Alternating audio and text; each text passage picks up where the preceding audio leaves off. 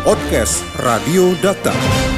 bahwa Kapolri Jenderal Polisi Listio Sigit Prabowo ini secara resmi telah meluncurkan aplikasi perpanjangan SIM online di Satpas Daan Mogot Jakarta pada 13 April 2021.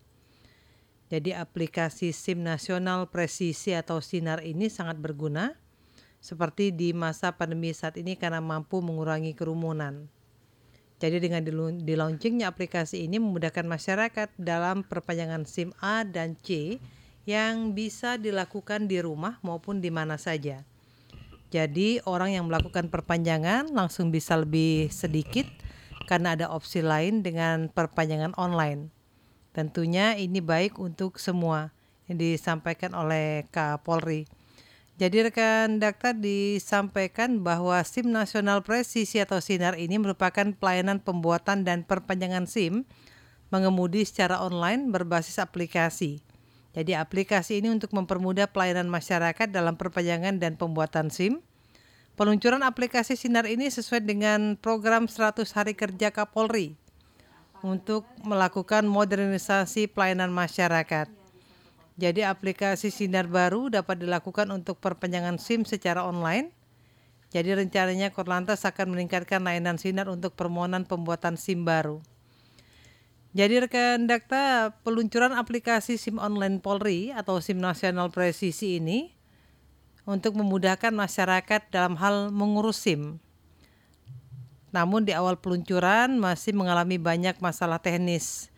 Dan apakah dengan sistem online ini juga akan memiliki resiko tersendiri terkait dengan perpanjangan SIM dan akankah masyarakat akhirnya ini mempermudah masyarakat untuk memperoleh SIM?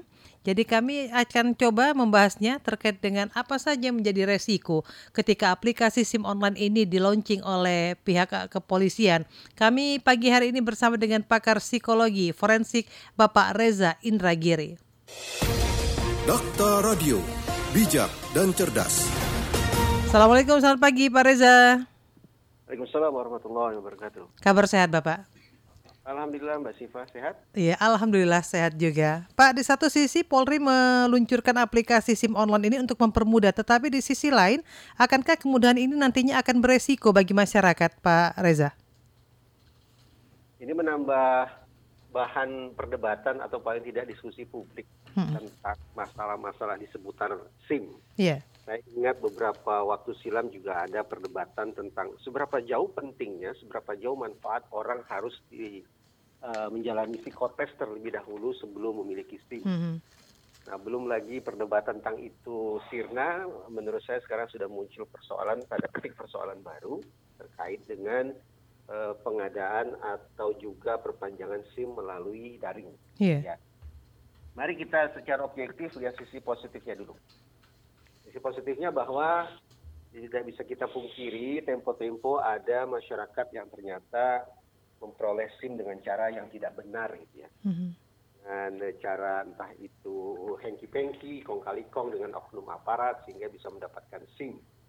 Jadi mereka-mereka ini yang sebetulnya belum layak mengemudi, belum pantas untuk mendapatkan surat izin mengemudi, tapi justru bisa mendapatkan dengan cara yang sekali lagi salah.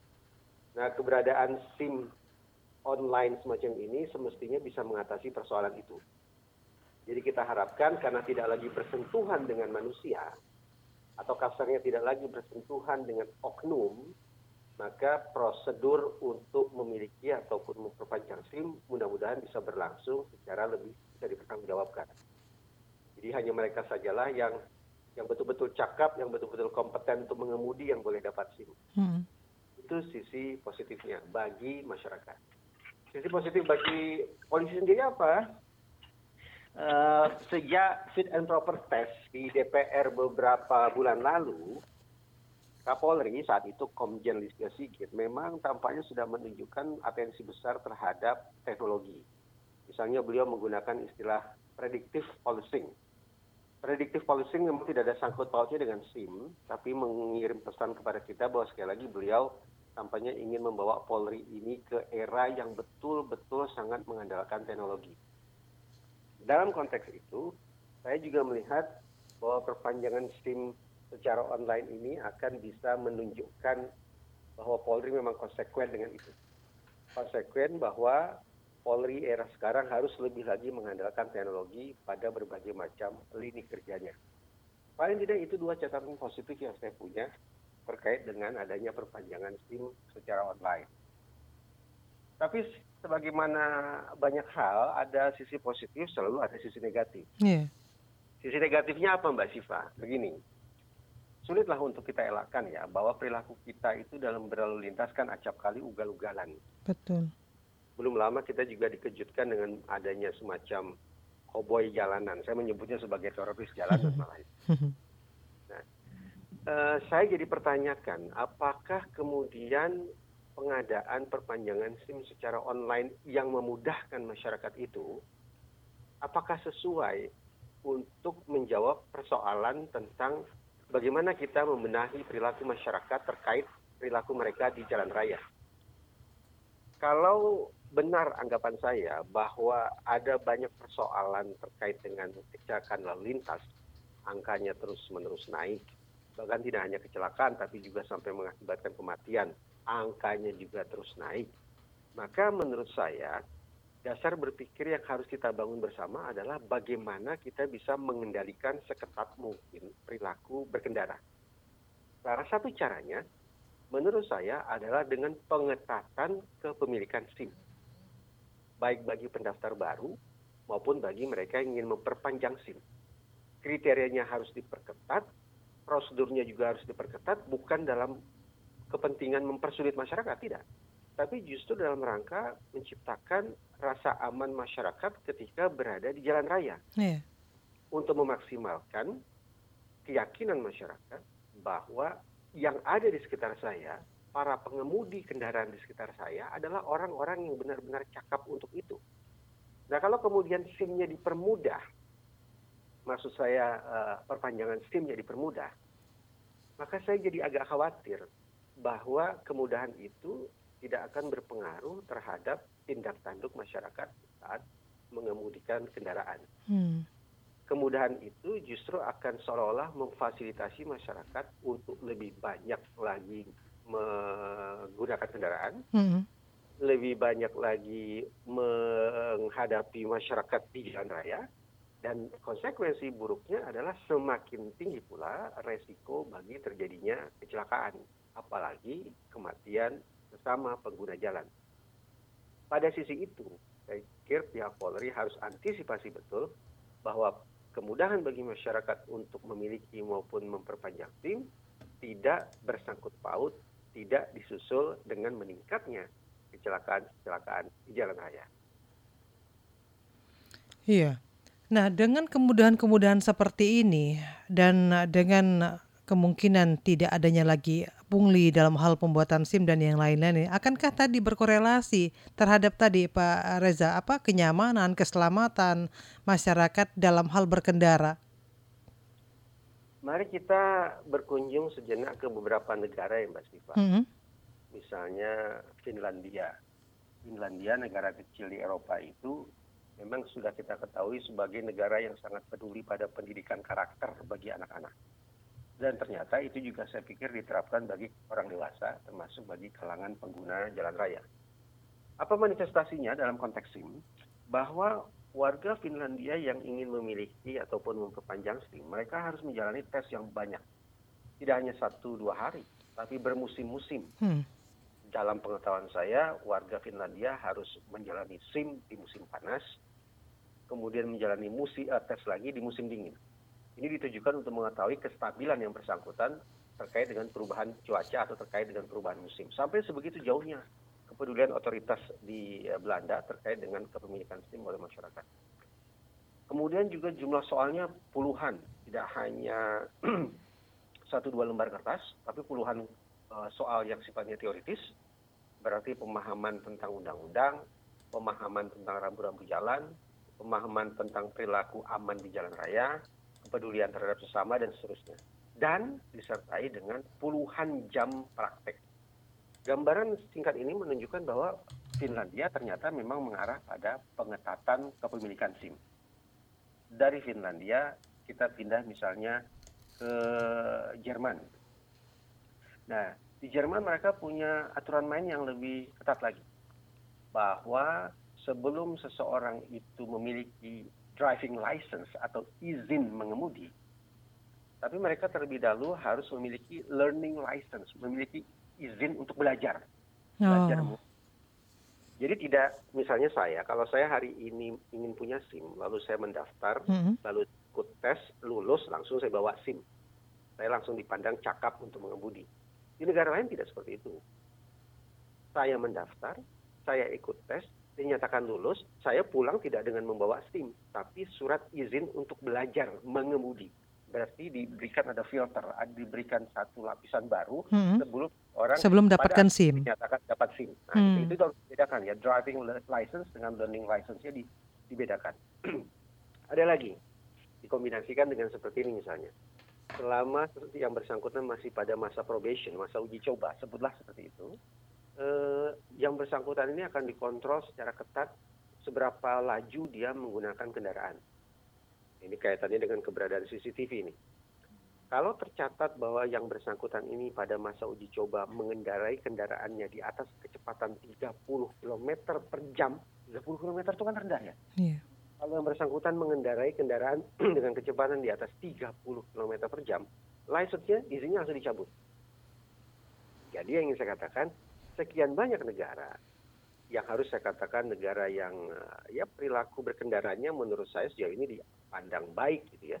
Ternyata di negara-negara semacam itu pun trennya adalah pengetatan kepemilikan SIM. Nah, Indonesia seperti apa? Dalam pemahaman saya, dengan keberadaan uh, perpanjangan SIM, apanya trennya balik ini. Di satu sisi kita paham bahwa Polri ingin menunjukkan pelayanan yang lebih baik lagi kepada masyarakat, Iya. tapi pada sisi lain yang terlihat juga oleh kita adalah trennya adalah bukan pengetatan kepemilikan SIM, tapi trennya adalah memudahkan masyarakat, berarti semakin banyak orang yang akan memiliki SIM. Di sisi lain, sebetulnya kan pemerintah juga, misalnya uh, Gubernur Baswedan ya punya punya inisiatif besar-besaran untuk mendorong masyarakat untuk menggunakan transportasi publik kan Betul. luar biasa pembangunan infrastrukturnya lo harus saya katakan luar biasa di atas di jalan di bawah jalan itu semua disapu bersih bagus sekali. Nah kalau memang kemudian kita yakin bahwa masyarakat harus didorong untuk menggunakan transportasi publik menurut saya tidak ada urgensi bagi kita untuk pada saat yang sama mempermudah orang untuk punya SIM.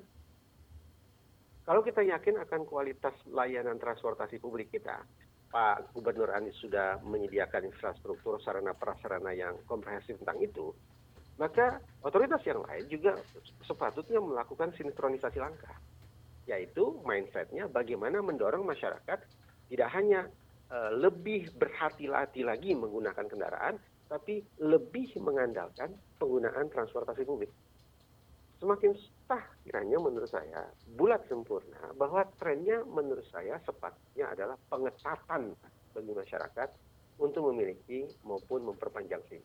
Begitu Mbak Syifa. Iya, Pak Reza Indragiri, kita tahu bahwa peluncuran ini kan adalah uh, janji program 100 hari kerja Kapolri. Tapi uh, di sisi lain, bagaimana program 100 hari kerja ini dapat dikorelasikan tadi dengan pemaparan Pak Reza Indragiri terkait dengan adanya pengetatan, lalu adanya uh, pembelajaran terlebih dahulu sebelum masyarakat mendapatkan SIM. Karena program ini sudah terlanjur diluncurkan oleh Polri. Sebagai sebuah rencana, tentu kita sambut positif. Iya. Tapi pada akhirnya ketika rencana itu akan diimplementasikan, tentu tetap harus membaca tuntutan zaman. Saya masih ingat Mbak Siva terkait dengan uh, psikotes bagi para pelamar SIM itu Mhm. pendaftar.